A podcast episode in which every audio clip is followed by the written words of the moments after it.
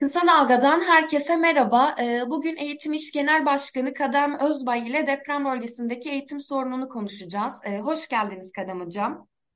Hoş bulduk. İyi yayınlar diliyorum. Teşekkürler. Ee, hocam aslında ben sözü uzatmadan direkt e, sorularıma geçiyorum. Yani deprem bölgesinde eğitim e, uzunca bir süre askıda kaldı bildiğimiz gibi. Okullar geçtiğimiz haftada açıldı. E, bu süre içerisinde çocukların öğrenme kayıplarını gidermek ve aslında hani büyük de bir travma yaşadılar. E, bu travmaları gidermek için bölgede Milli Eğitim Bakanlığı tarafından e, herhangi bir çalışma yapıldı mı? Yapıldıysa yeterli mi? Evet yani çalışma yapılıyormuş gibi yapıldı. Tıpkı eğitim varmış gibi yapıldığı gibi yapılan çalışmaların da gerçekten burada hem e, öğrenme açısından e, ilave bir destek içermediği, bir katkı sunmadığını hem de e, oradaki sorunları çözücü ve özellikle yaşanan travmaya yönelik sorunları çözücü çalışmaların çok da yeterli olmadığını daha geçtiğimiz günlerde gittiğimizde bir kez daha maalesef ki görmüş olduk. E, açıkçası yapılan çalışmalar yalnızca kameralara ve e, basına, kamuoyuna e, deprem bölgesinde de artık biz eğitimi başlattık. Bakın her şey normale döndü. Çünkü eğitimin başlaması, okulların açılması, çocuk e, kamuoyunda da her şeyin normale döndüğü dö e, ve burada devletin artık sorunları çözmeye yönelik e, destek sağladığı görüntüsü verecekti. Aslında bu fotoğraf verildi yalnızca. Mış gibi yapıldı.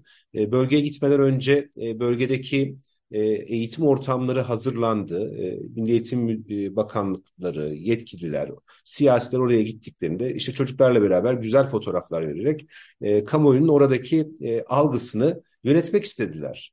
E, ve 7 ay sonra biz gittiğimizde şunu gördük aslında. E, sorunlar neredeyse hiç çözülmemiş. Hatta artarak devam ediyor. Çünkü insanlar şu anda hala yıkılması gereken binalar var. Orada yıkılmış ve e, molozu kaldırılması gereken birçok yıkık bina var.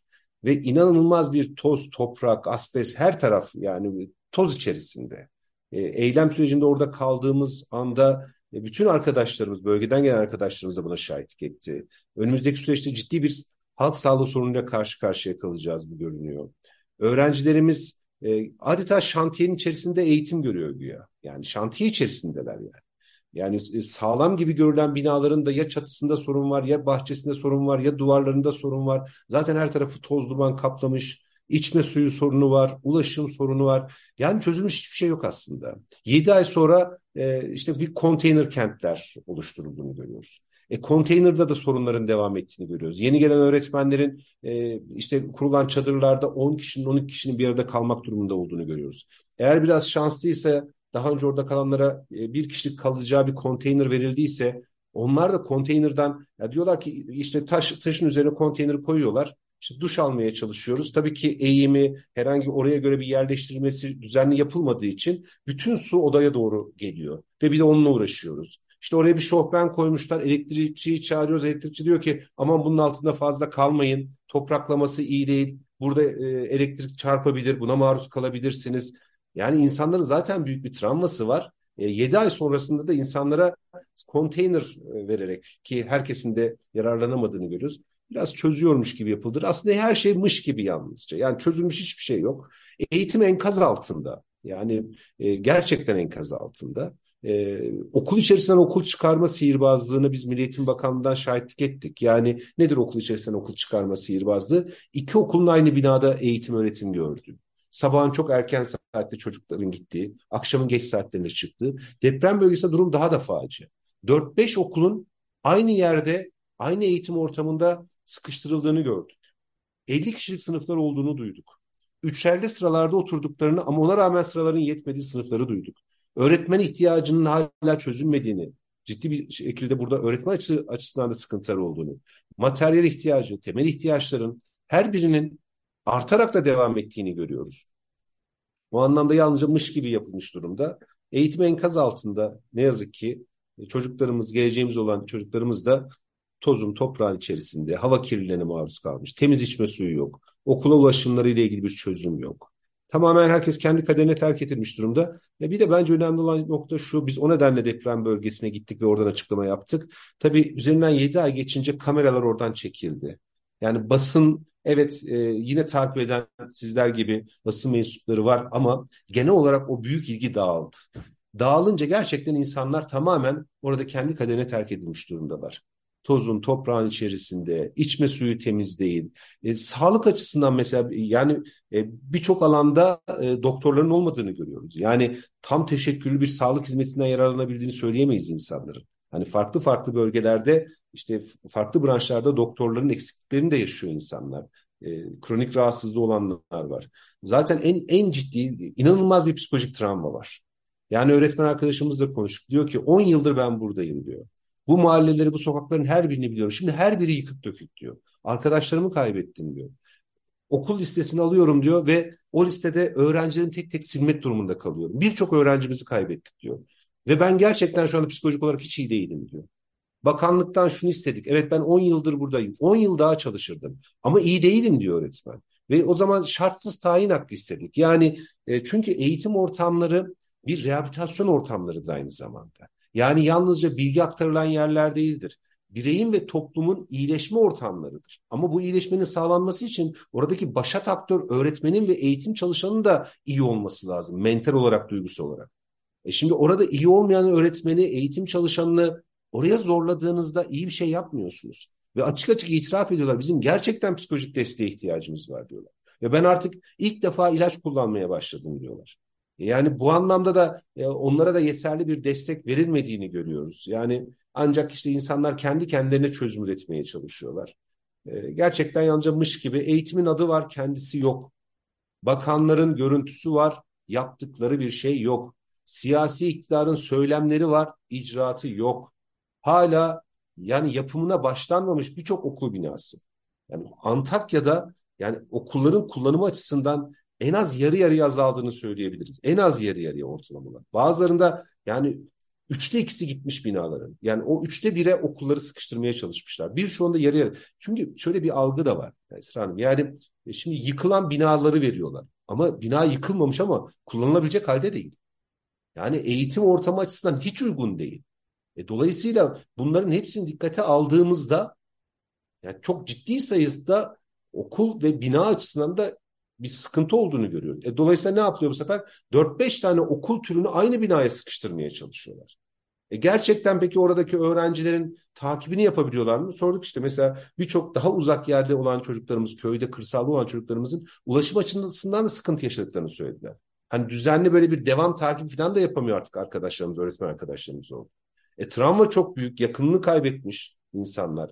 E, rehber öğretmen ihtiyacı çok fazla. Daha önceki bakanın bir sözü vardı en az bir rehber öğretmen diyordu ki böyle büyük travmalarda daha çok ihtiyacımız var. Yani daha az çocukla e, orantılı bir şekilde görüşebilecek psikolojik danışmanlara, rehber öğretmenlere ihtiyacımız var. E, yüzlerce, binlerce arkadaşımız atama bekliyor. Ya, kalabalık sınıflardan bahsettik. Yani sayısı neredeyse bir milyona yaklaşan atama bekleyen öğretmen arkadaşımız var. E, bunları atamak yerine e, yine 100 bine yakın ücretli öğretmen çalıştırıyorsun. Ücretli öğretmenle çözmeye çalışıyorsun falan. E, yani gerçekten enkaz altında eğitim maalesef ki. Evet, Kadem Hocam siz de aslında hani depremin başından bu yana e, yani eğitmiş olarak pek çok raporda yaptınız. Yani deprem bölgesini başından beri takip ediyordunuz. Ve aslında oradaki eksiklikleri Milli Eğitim Bakanlığı'na da, Bakanlığı'yla da paylaştınız. Şimdi şeyi sormak istiyorum. Yani bunlar e, bu kadar zor mu yapılabilecek şeyler? Öğretmen atanması, ücretsiz yani hani ÇEDES projesi şu an gündemde. Hani e, yani din e, yani müftü görevlendirilirken imamlar görevlendirilirken okullarda e, yani ücretli öğretmen hala sorunu devam ediyor. Özellikle de deprem bölgesine ayrı bir atama şeklinde yapılabilirdi. Onun dışında dediğimiz gibi rehabilite sorunu var. Bu insanların hepsinde bir büyük bir travma var. E, rehber öğretmen sayısı oldukça az yani. O, olmayan pek çok okul var. İşte yapılan pek çok bina yok. Yani derslik sayısı çok çok e, az. Yani 7 ay boyunca bu sorunlar yani bu sorunları çözmek bu kadar zor muydu? Ya da bu tespit yani tespit yapılamıyor denilse işte mesela eğitim için pek çok tespiti var e, çözüme dair. Yani şöyle e, bu bir tercih meselesi. Politik bir tercih meselesi aslında. Yani bunların hiçbiri e, hani bilinçsiz yapılan şeyler değil. Gerçekten siyasi iktidarın tercihi bu. Nedir tercihi? Örneğin eğitim ortamında eğer her yıl 100 bine yakın ücretli öğretmen alıyorsa demek ki bakanlık neyi kabul etmiş oluyor? 100 bine yakın acil öğretmen atamasına ihtiyacı olduğunu kabul ediyor. Yani öğretmene ihtiyacı olduğunu kabul ediyor. Peki niye bunları ücretli e, şekilde çalıştırıyor? Niye kadrolu güvenceli istihdam etmiyor? E çünkü e, ülkedeki her alana kendi ticari alanı gibi bakıyor. Sanki adamlar başımıza patron yani şirket yönetiyorlar ve biz de yurttaş değil müşteriyiz sanki. Dolayısıyla kar ve zarar zihniyetiyle yaklaştıkları için asıl toplumun gelecekteki o üstün yararına en büyük kötülüğü yapıyorlar. Kendi çocuklarına, kendi torunlarına da en, en büyük kötülüğü yapıyorlar aslında. Hani burada sanki bir şirket yönetilmiş gibi gündelik karlarını düşünüyorlar ama eğitim dediğimiz şey geleceğinizi ilgilendiriyor. Dolayısıyla eğitime yaptığınız yatırım aslında geleceğe yaptığınız yatırım. Ama bunlar gündelik ve yalnızca seçimlere yönelik, oy devşirmeye yönelik bir siyaset yürüttükleri için, tamamen algılar üzerine bir siyaset yürüttükleri için, gündelik o şirketi yönetirken kar ve zarar mantığıyla baktıkları için kadrolu, güvenceli, gerçekten çocuklara mental ve duygusal olarak gerektiği gibi yaklaşacak öğretmenleri istihdam etmek yerine onları güvencesiz çalıştırıyor. Yarısından daha az paraya çalıştırıyor sosyal ve özlük haklarından yoksun çalıştırıyor ki istediği zaman atabilsin, istediği zaman alabilsin, istediği gibi tehdit edebilsin, baskı altına tutabilsin. O nedenle bu bir politik tercih meselesi. Yani ülkedeki bütün insanların güvenceli çalışmasıyla ilgili devletin, siyasi iktidarın politik bir tercihi var. Mesela şimdi devlet memurluğu kanunu vardır. Devlet memurluğu ve bu kanun neden vardır? Çünkü devlet memurlarına şunu söyler. Der ki sen devleti temsil ediyorsun. Öyle siyasi iktidarlar değişti. İşte herhangi bir yönetici tepende hukuksuz emir verdi. Hayır. Senin bir güvencen var. Bunun için devlet memurluğu kanunu vardır. Ve devlet nedir sorusuna, devleti kim temsil eder sorusuna doğru cevap vermemiz lazım.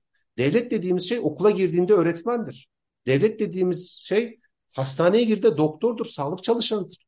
Bir devlet dairesine girdiğindeki memurdur. Emniyete girdiğinde polistir. Mahkemeye girdiğinde hakimdir. Devlet budur. Dolayısıyla devlet kendi çalışanlarını güvenceli istihdam etmeyerek aslında devletin o yasalarına, anayasaya bağlı kamusal hizmeti sunması gereken e, kamu çalışanını kendi iktidarının yandaşı ve kontrolü altındaki baskı altında tutabileceği çalışanlar haline getiriyor. Yani o nedenle şirket mantığı diyorum. Yani hani diyor ya e, sürekli benim milletim diye. Yani böyle bir sahiplenme var. Benim memurum, benim milletim, şahsım devleti filan. Yani sorunda bu tablo. O nedenle politik bir tercih var burada. Yani o kamu çalışanının kamusal hizmeti anayasadan, yasalardan aldığı o hükümlere ve kendi çalışma yaşamındaki devlet memuru olarak çalışma güvencesine göre yapmasının önüne bir engel çıkarıyorlar aslında. Onu ortadan kaldırmaya çalışıyorlar. E, tabii ki az önce söylediniz yani yapılamaz mıydı, çözülemez miydi? Yani şimdi 7 ay geçmiş. Şimdi deprem doğal bir afet. Ve biz şunu biliyoruz ki bu afetleri biz dün de yaşadık. Ve yarın da yaşayacağız maalesef ki. Yani hepimizin öğrendiği bir şey var. Hani deprem bölgesindeyiz ve bununla karşı karşıya kalırız. Hatta bu siyasi iktidarın en üst düzey temsilcileri. Bunu açıklamamızda da ifade Cumhurbaşkanı 2013 yılında sosyal medyada sabit bir paylaşımı var. Herkesin söylediği bir söz. İşte e, depremle yaşamaya alışmalıyız. Biz deprem bölgesinde yaşıyoruz. Tedbirlerimizi almalıyız. Bakın Cumhurbaşkanı 2013'te yazılı duruyor. Daha önce de söylemleri var zaten. Deprem değil bina öldürür. Şimdi bunu artık Türkiye'de kullanmayan kimse yok. Ben diyorum ki bunu bir vatandaş kullanabilir. Ama bunu devleti yöneten siyasi iktidar kullanamaz. Neden kullanamaz? Çünkü deprem değil bina öldürür demek yıllardır yönettiğin ülkede neden denetimini yapmadın? Buraya nasıl böyle izin verdin? Ve depremin şiddeti çok büyükse neden o an yardımı yetiştiremedin? Hani yurt dışına bile yardım yetiştirebilecek güce ulaşmıştık biz artık. Aynı gün yurt dışına yardım yetiştirebiliriz diyorduk. Başkanlık sistemiyle o kadar hızlı karar verebiliyoruz ki artık aynı gün deprem bölgesine bütün yardımları yetiştirebileceğimizi, hatta başka bir ülkede deprem olsa ülkenin oraya bile yetişebileceğini söylediler. Ve birçok biliyorsunuz imar afları. E şimdi bunların altında şimdi bina öldürdü diyebilir miyiz tek başına? Yani ben bir vatandaş olarak diyeyim ki ya bina sağlam değilmiş. Eğer bu bina sağlam olmasaydı insanlar yaşayabilir. Tamam ben bunu söyleyeyim. Ama o binanın oraya o şekilde yapılmasına, sonradan oraya imar affına, süreç içerisindeki denetimine Kimler izin verdi? İmar aflarını kimler meclislerden çıkardı ve kimler miting meydanlarında imar affı üzerinden propaganda yaptı? O zaman bina mı öldürdü tek başına? Yok mu sorumluluğumuz? Çok net adını koyacağız. Siyasi iktidarın baştan sona bunda sorumluluğu vardır. Tabii ki kimse isteyerek, bilerek kim olursa olsun bu insanların ölmesini istemedi. Ama bilim dediğimiz bir şey var. İşte diyoruz ya deprem bölgesinde dün de olduğu yarın da olacağını biliyorsak artık hani bir kolonun kesilmeyeceğini bilmek için mimar olmaya, mühendis olmaya gerek yok diyoruz değil mi? Ama o kolonun orada kesildiğini bilen, denetlemesi gereken oranındaki memurlar var ve bunları yöneten atanmış amirleri var. Oraya imar affını seçim propagandası olarak kullanan bir siyasi parti var. E yardımlar başka bir ülkeye bile yetişecek diyen başkanlık sistemiyle göreceksiniz. Işık hızında kararlarımız çıkacak diyenler e, bölgeye ben üçüncü gün gittim. Bütün bölgedeki ağır şekilde etkilenen Maraş'ta, Hatay'da, özellikle Hatay, Adıyaman, dört gün boyunca devlet adına bir şey göremedik dediler yani. Dört gün. Ve arkadaşlarımız inanın yani içiniz parçalanır. Ya biz canlı canlı bu sesleri duyduk diyorlar. Hani o deprem sözü sesimi duyan var mı sözünü. Yüzlerce insanın bu sesini duyduk, bu çığlığını duyduk. E şimdi ya, bina öldürdü diyebilir miyiz tek başına? Siyasi iktidar diyemez. Tek başına bina öldürdü lafını siyasi iktidar söylemek sıyrılamaz burada. O yardımları zamanında yetiştirmemek, zamanında tespitleri yapıp oradaki çözümleri sağlamamak tamamen siyasi iktidarın sorumluluğu. Ve burada bir sorumlu üzerinden atma çabası olduğunu da görüyoruz. O nedenle e, evet biz deprem bölgesindeyiz. E, doğal bir afetten bahsediyoruz. Ama doğal afetin felakete dönüşmesi nasıl sebebi? İnsanı ve yaşamı merkezine koymayan rant politikalarıdır. Bu rant politikalarını da uygulayan da siyasi iktidardır. O nedenle evet orada sorunlar çözülebilir miydi? Çözülebilirdi.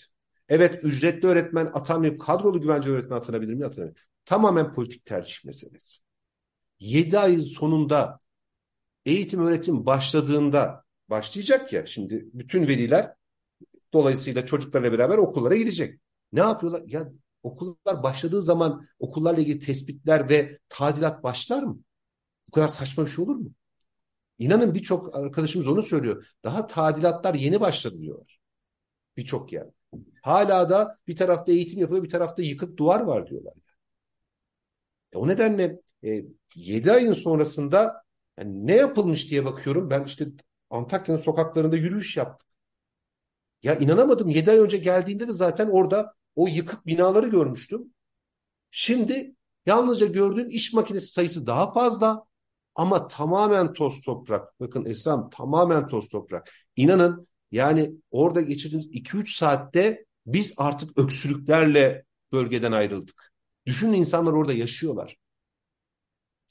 Yine konteynerde kalan öğretmen arkadaşımıza soruyorum. Dedim ki yani konteyneriniz var. Bakın şofbeni söyledim. Elektrikçi geliyor diyor ki şofbende ya bunun altında fazla kalmayın diyor. Bak düşünebiliyor musun? Ya insanlar banyo yapacak ya.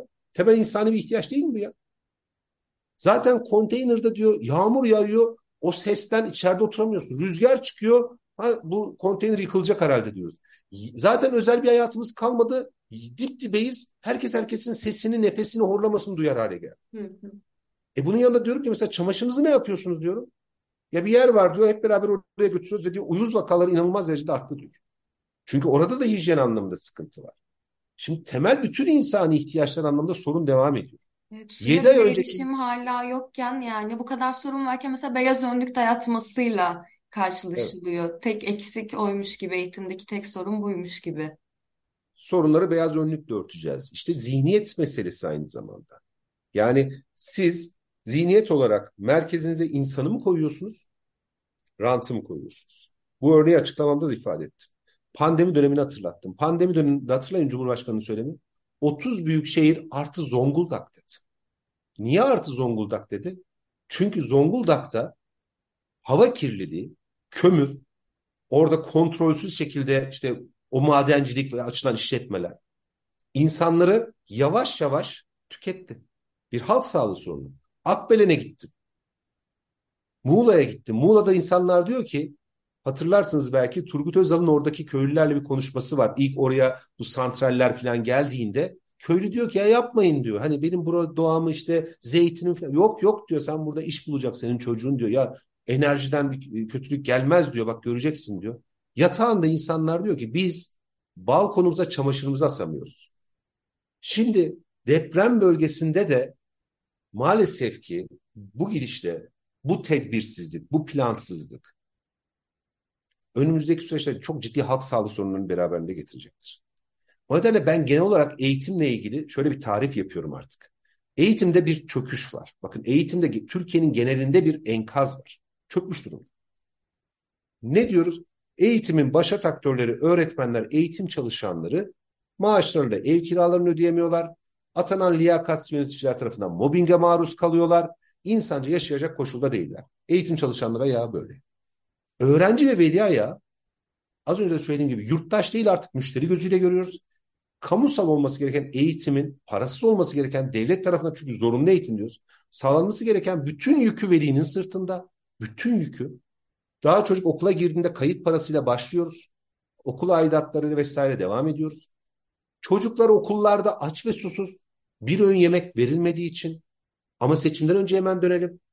Bundan önceki Milli Eğitim Bakanı dedi ki okul öncesiyle başlıyoruz. Sonra ilkokula Cumhurbaşkanı da söyledi. 5 milyon öğrenciye ulaşacağız önümüzdeki sene ve kademeli olarak bütün öğrencilerimize bir öğün yemek vereceğiz dedi. Eğitim iş bu mücadeleyi tırmandığında mecliste sorulunda AKP ve MHP oyları reddedildi. Okullarda en az bir e, öğün yemek hakkı. Ve ben şunu söylüyorum. Bakın e, deprem bölgesinde hava kirliliği ve hijyen açısından bir halk sağlığı sorunu ortaya koydu. Türkiye genelinde çocuklar okullarda aç ve susuz ve bir öğün yemek hakkı sağlanmadığı için bu artık bir milli güvenlik sorunu haline gelmiştir. Neden bu tarifi yapıyorum? Çünkü bakın oradaki çocuklar bizim geleceğimiz. Şimdi sağlıklı beslenemeyen, sağlıklı eğitim ortamında bulunmayan, nitelikli eğitim almayan, sağlıklı eğitim almayan çocuklar devamında birçok hastalığa maruz kalacak mı? Ki şu anda da duyuyoruz. Çocukların birçoğunda sağlık sorunlarının ortaya çıktığını, yeterli beslenemediği için bir de deprem bölgesi ilave hava kirliliğiyle beraber. Peki bu sağlık sorunlarının tedavi süreci bu ülkede devletin hastanelerinde ya da devletin sağlık sistemi içerisinde yapılması gerekmeyecek mi? Dolayısıyla devlete ekonomik olarak ilave bir sağlık hizmeti açısından yük binecek mi? Ve aynı zamanda o bireyler yetişkin olduğunda bu ülkede çalışan, bu ülkeye üreten insanlar olduğunda sağlık sorunları sebebiyle yeteri düzeyde verimli bir çalışma üretebilecek mi? Üretemeyecek. Dolayısıyla burada bugün ülkeyi yönetenlerin politik tercihleri bir tüccar mantığıyla günü kurtarmak üzerinden ama geleceği düşünmeden devam ettikleri için yalnızca seçimlere oy kaygısı üzerinden yaklaştıkları için manipülatif bir siyaset yürüttükleri için gelecekteki büyük sorunu kendi torunlarının çocuklarının da yaşayacağı bir ülke anlamında bence göremiyorlar. O nedenle ben bir milli güvenlik meselesini tartıştığımızı söylüyorum. Yani eğitim çökmüş durumda. Çocuklarımız sağlıklı eğitim alamıyor. Deprem bölgesinde daha da ciddi sağlık sorunları olacak ve bunun devamında ülke hem sağlık hizmetleri anlamında ciddi bir yükle karşı karşıya kalacak hem de vasıflı, üretken, çalışan insanlar açısından ciddi bir yükle karşı karşıya kalacak. Ee, hocam yani aslında yapılamayanlardan bahsettik. Peki şunu da ben sormak istiyorum. Özellikle de deprem bölgesindeki bu eğitimdeki kayıp yani e, telafi edilebilir bir noktada mı? Yani pandemide telafi ettik mi? Yani geçmiş geleceğin aynasıdır. E, bu ülkede bir buçuk yıldan fazla dünyada okullarını en uzun süre kapalı tutan ülkelerden biri olduk. Ve bizim ülkemizde eğitim arası, eğitim açısından makas o kadar açık ki artık. Çok derin uçurumlar var okullar arasında. E, ailelerin ekonomik koşulları sebebiyle öğrenciler açısından. Çok ciddi farklar. Şimdi bu kadar açılmış derin farklılıkların olduğu eğitim ortamında pandemi gibi, deprem gibi hani kontrolümüzün de dışına çıkan olaylar yaşandığında buradaki uçurum daha da artıyor. Burada özellikle yoksul ailelerin ki deprem gibi büyük felaketlerde yoksulluğun ötesinde büyük bir kesimin eğitimden yararlanma imkanı çok çok daha fazla düşüyor. Zaten eğitimdeki başarımız ortada. E bir de böyle bir dezavantaj ortaya geldiğinde buradaki makas daha da açılıyor. E, pandemi sürecinde bir öğretmen olarak da o süreçte aktif öğretmenlik yapıyordum. Yani hiçbir şey yapılmadı diyebilirim yani. Göstermelik yalnızca uzaktan eğitim dediler. işte Fatih projeleri, EBA, altyapısı dediler. Milyon dolarlar aktı. Bakın milyonlar, milyonlar, milyarlar yani. Yani Türk parasıyla belki katrilyona falan geliyordu yani. Ve ortada neyi gördük biliyor musunuz? Kendi istatistikleri Milletin Bakanlığı söylüyor. Yani üç çocuktan biri hiç ulaşamadı. Bu ne demek? Ya bugün o tarihlerde 18 milyon öğrencimiz varsa 6 milyon demek. Ki biz bunun daha üzerinde olduğunu biliyoruz. Diğer girdi, internete girdi, ulaştı denilenler de bir cep telefonundan 2-3 kardeşin birlikte girdiğini bir öğretmen olarak çok çok iyi biliyorum. Yalnızca açmış olmak için sınıfta varım diye ailesinin telefonundan açıp doğru düzgün dersi dinleyemediğini, katılamadığını çok çok iyi biliyoruz. Yani yarısından daha fazlası aslında pandemi döneminde eğitimden yararlanamadı. E deprem bölgesinde pandeminin üzerine bir travma da var. Ya arkadaşlarımız anlatıyor. Bakın oradaki yurttaşlarla konuştuk. E diyor ki yani kurtulmuşlar depremden ama biz karı koca artık beraber yatamıyoruz diyor. Yani çocuklarımızla beraber yatıyoruz ve her gece çocuklarımız çığlıklarıyla, ağlama sesleriyle uyanıyoruz diyor. Bir arkadaşım söyledi hiç unutmuyorum. Çocuğum çorabını cebine koyarak yatıyordu. Yani hani her an bir şey olacak ve ben çorapsız dışarıya çıkmayayım diye. Yağmur sesini duyduğunda aklına deprem gelip çığlık atan çocuklar. Şimdi bu kadar uyuyamayan çocuklar var bölgede. Ben de gittiğimde hocam çocuklar, büyükler yani gecelik giymiyorlar ki hani bir şeyde evet. dışarı rahatça çıkabileyim diye. Aslında büyük bir travma. Bu kadar büyük bir travma. Peki Esra sizin gördüğünüzü, bizim gördüğümüzü devleti yönetenler görmüyor mu? Bilmiyor mu? Bu kadar büyük bir travmaya böyle sıradanmış gibi yaparak çözümler üretilmeyeceğini bilmiyor mu? Bu ülkenin asıl kaynağının tam da böyle bir zamanda olana dönebilmek, normale dönebilmek, oradaki insanları rehabilite edilmek için harcanması gerektiğini bilmiyorlar mı? Ve toplumsal rehabilitasyon açısından en önemli yerin eğitim ortamları olduğunu bilmiyorlar mı? Çünkü bakın okullar yalnızca çocuğu rehabilite etmekte kalmaz. Veliyi de otomatik olarak rehabilite eder. Neden? Çünkü veli için de çocuğun okula gitmesi, okuldan çıkıp başka şeyleri konuşabilmesi artık onun için de hayatın normale döndüğü görüntüsünüdür. Yani okulun yeri o kadar önemlidir aslında. Ama işte o nedenle diyorum politik tercih ve zihniyet meselesi. Olaya nasıl yaklaştığınızla alakalı. Siz bu ülkenin geleceğini önemsiyorsanız yani bugün kendini yaşamınızı ve yalnızca kendi çocuğunuzun gündelik yaşamını değil de ülkenin geleceğini ve toplumsal yaşamı önce diyorsanız hani o cumhuriyetçi bir tavrınız varsa, yurttaş temelli bir ta, e, e, zihniyetiniz varsa e, o zaman asıl yatırım ve önceliği eğitime yaparsınız. Eğitimde dediğimiz şey ya çocuk işte yani yaklaşım bu. Bak çocuğu okula götürdük işte konteyner yaptık. Al sana okul. Otur sıraya. Otur. Bak matematik öğretmeni de buldum anlattım. Bitti mi sorun? Travmadan bahsediyoruz. O çocuğun daha çok oyun oynamaya ihtiyacı var mesela değil mi? O çocuğun daha çok sosyal alana ihtiyacı var. Ama bu sosyal alanda temiz olmasına ihtiyacı var. Daha çok materyale ihtiyacı var. Artık teknoloji çağındayız. Teknolojik desteğe ihtiyacı var. Hangisi yapıldı? Elektrik sıkıntılı, su sıkıntılı, ulaşım sıkıntılı, materyal sıkıntılı, rehber öğretmen yok. E, söylediğim gibi tam teşekküllü hastane ortamı yok. Birçok branşta doktor yok. E, ve kaldı ki travmayı bu kadar ağır olduğunu biliyorsun. İnsanlar talep etmeden onlara gitmek lazım. Bir de bu tarz ağır travmalarda e, şunu da söyler hani uzmanlar sonraki yıllarda da ortaya çıkan büyük psikolojik önemli ciddi psikolojik sorunlar olduğunu söylerler. Çünkü olayın sıcaklığıyla e, insanlar bir şekilde olayı götürebilirken sonrasında daha büyük şoklar yaşayabilirler. Ve travmaları en çok arttıran şey de belirsizlik ve güvensizliktir. Bugün siyasi iktidarın 7 ay sonra hala bir şeyi çözme iradesini göstermemiş olması ve bir gün sonrayla ilgili oradaki insanların bir güveninin oluşmaması bu belirsizlik ortamı inanın yaşadıkları travmanın etkisini kat kat arttırıyor. İnsanlar diyor ki daha okullar açıldığı tarihe kadar biz hangi okulla hangi okul birleşecek ve çocuğumuz hangi okula nakil olacak bilmiyorduk diyorlar. Dolayısıyla nerede kalmalıyım, nereden ulaşım sağlamalıyım bilmiyorum diyor. Ve biz Milli Eğitim Bakanlığı'na şu, şu çağrı yaptık. Eğitimciler örnek olmalı. Gelin eğitim kurumlarına depremle ilgili karnesini yapıştırın. Yani bütün veliler, bütün yurttaşlar hatta siteye girdiklerinde, okula geldiklerinde bu binanın denetiminin yapıldığını ve sağlam olduğunu görsün. Bu büyük depremden sonra Esra kaç tane artçı yaşandı? Yani insanlar şunu söylüyor. O gün hafif hasarlı olanlar artık orta hasarlıya döndü. Orta hasarlı ağır hasarlıya döndü. Zaten denetim süreçlerinde insanların şüphesi var, güvenmiyorlar. Yani geldiler böyle çekişte baktılar gittiler diyorlar. Ağır hasar dediler sonra bir baktık ki hafif hasara dönüştü. Nasıl olabilir diyor insanlar. Şimdi böyle bir güvensizlik var zaten.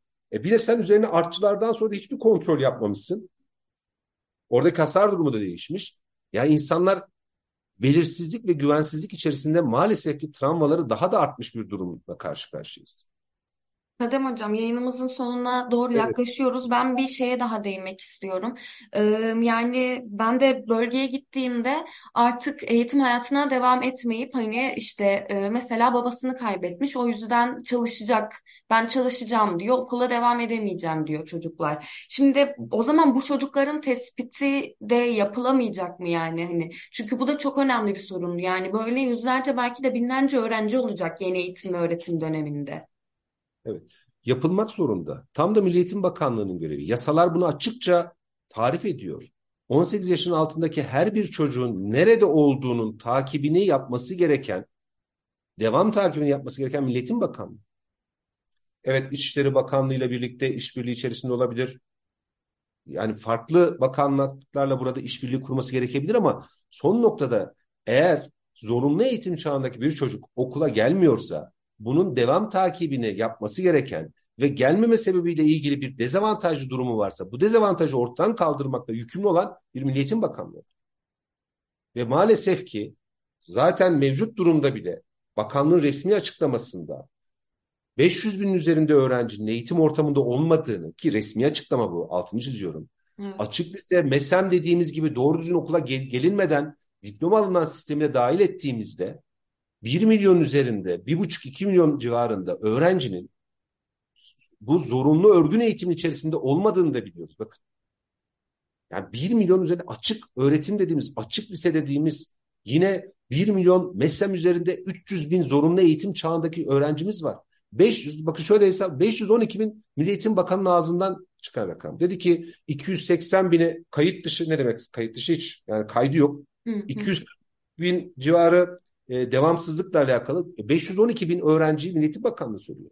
E bunun yanında biz diyoruz ki MESEM dediğimiz sayısı 1 milyonu aşan ama bunun içerisinde 300 bini de öğrenci olan yani 18 yaşın altında olan e burada da iki gençlerimiz de var. Bir de aslında devamı doğru düzgün yapmayan, okula e, giren 9. sınıfta ama doğru düzgün devam etmeyenler var. Açık liseler var. Bak 2 milyona yakın sayıdan bahsediyoruz belki. Bunların takibini yapması gereken Milli Eğitim Bakanlığı. Ama Milli Eğitim Bakanlığı bunlarla ilgilenmesi gerekirken öğretmenlere önlük giydirecekmiş. Ve önlük giydirmesiyle ilgili de biz de şifre ettik. Buradaki asıl amacı şöyle söylemiştim ben, uyarmıştım ilk e, önlük olayı ortaya atıldığında. Milli Eğitim Bakanı bu sözü karma eğitimle ilgili de işte kız çocukları üzerine örnek verirken e, alelade söylemiyor. Bakın bilinçsiz söylemiyor. Hı hı. Bilinçli kötülük daha tehlikelidir işte. Bak bilerek yapıyorlar. Bilerek kötülük yapıyorlar. Önlük olayında da asıl amacın başta kadın öğretmenlerin kıyafetine karışmak olduğunu çok net ifade etmiştim. Evet. Ve bu ifademin doğru olduğu ortaya çıktı. Mesleki Teknik Anadolu Liselerinin giyim bölümlerine önlük tasarlamalar istendi. 24 Kasım'da öğretmenlere önlük hediye edeceklermiş. Bunca sorunu var. Öğretmen maaşıyla ev kirasını ödeyemiyor. İnsanca yaşayamıyor. Mesleki olarak tüketilmiş, ekonomik olarak tüketilmiş ve önlükle ilgili tek bir kriter koyuyorlar. Önlüğün boyu uzun olacak. Dizden yukarıda olmayacak. Ve bunları söylediklerini biliyoruz ve deşifre ettik. Hı hı. Ama biz deşifre ettik. Gazetede manşet oldu. Gazeteyi arayıp hayır tekzip yayınlayacaksınız. Gerçek değil. Biz böyle bir şey yazmadık, söylemedik. E, tabii ki bunun yazısı yok ortada. Yani şöyle bir yazı yazar mı Eğitim Bakanı? Etek boyu bizden aşağıda olacak. Ama söylediğinizi biliyorum. Yüzünüz varsa buyurun yüzleşelim. Söylediğinizi biliyoruz. Orada da asıl gaye neydi? Yani önlük giysin. Zaten önlük giymek isteyen öğretmen giyiyordu. Sen öğretmen ekonomik ihtiyaçlarını karşıla. Öğretmen en güzel kıyafetini alıp giyer. En güzel şekilde rol model olur. Yani o nedenle bunların tamamı politik tercihler. Yalnızca kanunları uygulasalar, yasaları uygulasalar, bakın yasalarımızda birçok eksiklik bulabiliriz. Ama yalnızca yasaları uygulasalar okul dışında bu kadar çocuk olmaz. Çünkü takibini yapmak zorundalar. Yalnızca yasaları uygulasalar depremden insanlar yaşamını, bu kadar insan yaşamını kaybetmez. Neden? Çünkü orada yazıyor aslında binaların nasıl olacağı, okulların nasıl olacağı. Yani burada bir zihniyet meselesi var. O zihniyetinde bana göre temelinde Cumhuriyet dersi eksikliği var. O Cumhuriyet'in bütün yurttaşların eşitliğine dayanan, kadın erkek eşitliği üzerinde yükselen, her bir çocuğa eğitim aracılığıyla her şey olabileceği umudunu vermesi gereken Cumhuriyet felsefesinden uzak olmaları. Cumhuriyet karşıtı zihniyetlerin yaşamın merkezine insanı koymayan, yurttaşı koymayan, yurttaşı müşteri haline dönüştüren zihniyetin yarattığı acı tabloyla karşı karşıyayız. O nedenle afetler felaket oluyor. O nedenle yaşanabilir bir ülke özlemiyle maalesef ki tamamen insanların kendi çabalarıyla sorunlarını çözdüğü bir ülke haline dönüşüyoruz. Hocam Cumhuriyet, son cumhuriyetçilik çok önemli. tam diyecektim son birkaç dakikamız. Ayrıca e, son sözünüzü alayım. Ben değinmek istediğiniz bir şey var mı bu konuya dair? Merkeze insanı koyan, yaşamı koyan, Cumhuriyet'in kadın erkek eşitliği temeline dayandığını bilen, Cumhuriyet'in kuruluş felsefesini anlayan, Atatürk devrimlerini ve emanetlerini anlayan bir zihniyetle, bir siyasi iradeyle ancak sorunlarımız çözülür. Yoksa merkezinde insan olmaz, rant olur. Yurttaşların eşit hakları, özgürlükleri, demokratik hakları, layık bilimsel demokratik eğitim hakkı, kamusal ve parası olarak sağlanma hakkı, temel insani hakları değil, birilerinin kendi ihtiyaçları, yakın çevrelerinin, yandaşlarının ihtiyaçları doğrultusunda birilerinin zenginleştiği, milyonların yoksul kaldığı bir ülkeye döneriz. Cumhuriyet ve cumhuriyetçilik bütün yurttaşların eşitliğine dayanıklı bir temel üstlenmiştir. O nedenle burada bence Cumhuriyet dersiyle tamamlamamız lazım. Bu Cumhuriyet dersini tamamlamak da biz eğitimcilerin, başta eğitimciler olmak üzere bütün yurttaşların sorumluluğu, siyasi iktidarların yapmadıklarını yüzlerine vurmak da bir sorumluluk. Bizim deprem bölgesinde yapmaya çalıştığımız o. Demokrasi dediğimiz şey yalnızca sandıkta oy kullanmak değil. Süreç içerisindeki her türlü şeye müdahil olmak ve sorunları da deşifre etmek, katılımcılığı sağlamak, demokratik haklarını kullanabilmektir. Sokak da demokratik bir haktır. İtiraz etmek demokratik bir haktır. Biz de onu kullanıyoruz. Daha demokratik, daha özgür bir, layık demokratik bir Türkiye Cumhuriyeti'nin özlemiyle, umuduyla. Çok teşekkür ederiz Kadem Hocam. Ee, gerçekten çok verimli bir yayındı. Ee, pek çok e, eğitimdeki soruna ve aslında ülkedeki sorunlara da değindik. Ee, ben size tekrardan teşekkür ediyorum. Ee, kısa dalgayı takipte kalın diyerek yayınımızı sonlandırıyoruz. Evet, ben teşekkür ediyorum. Kolaylıklar diliyorum size.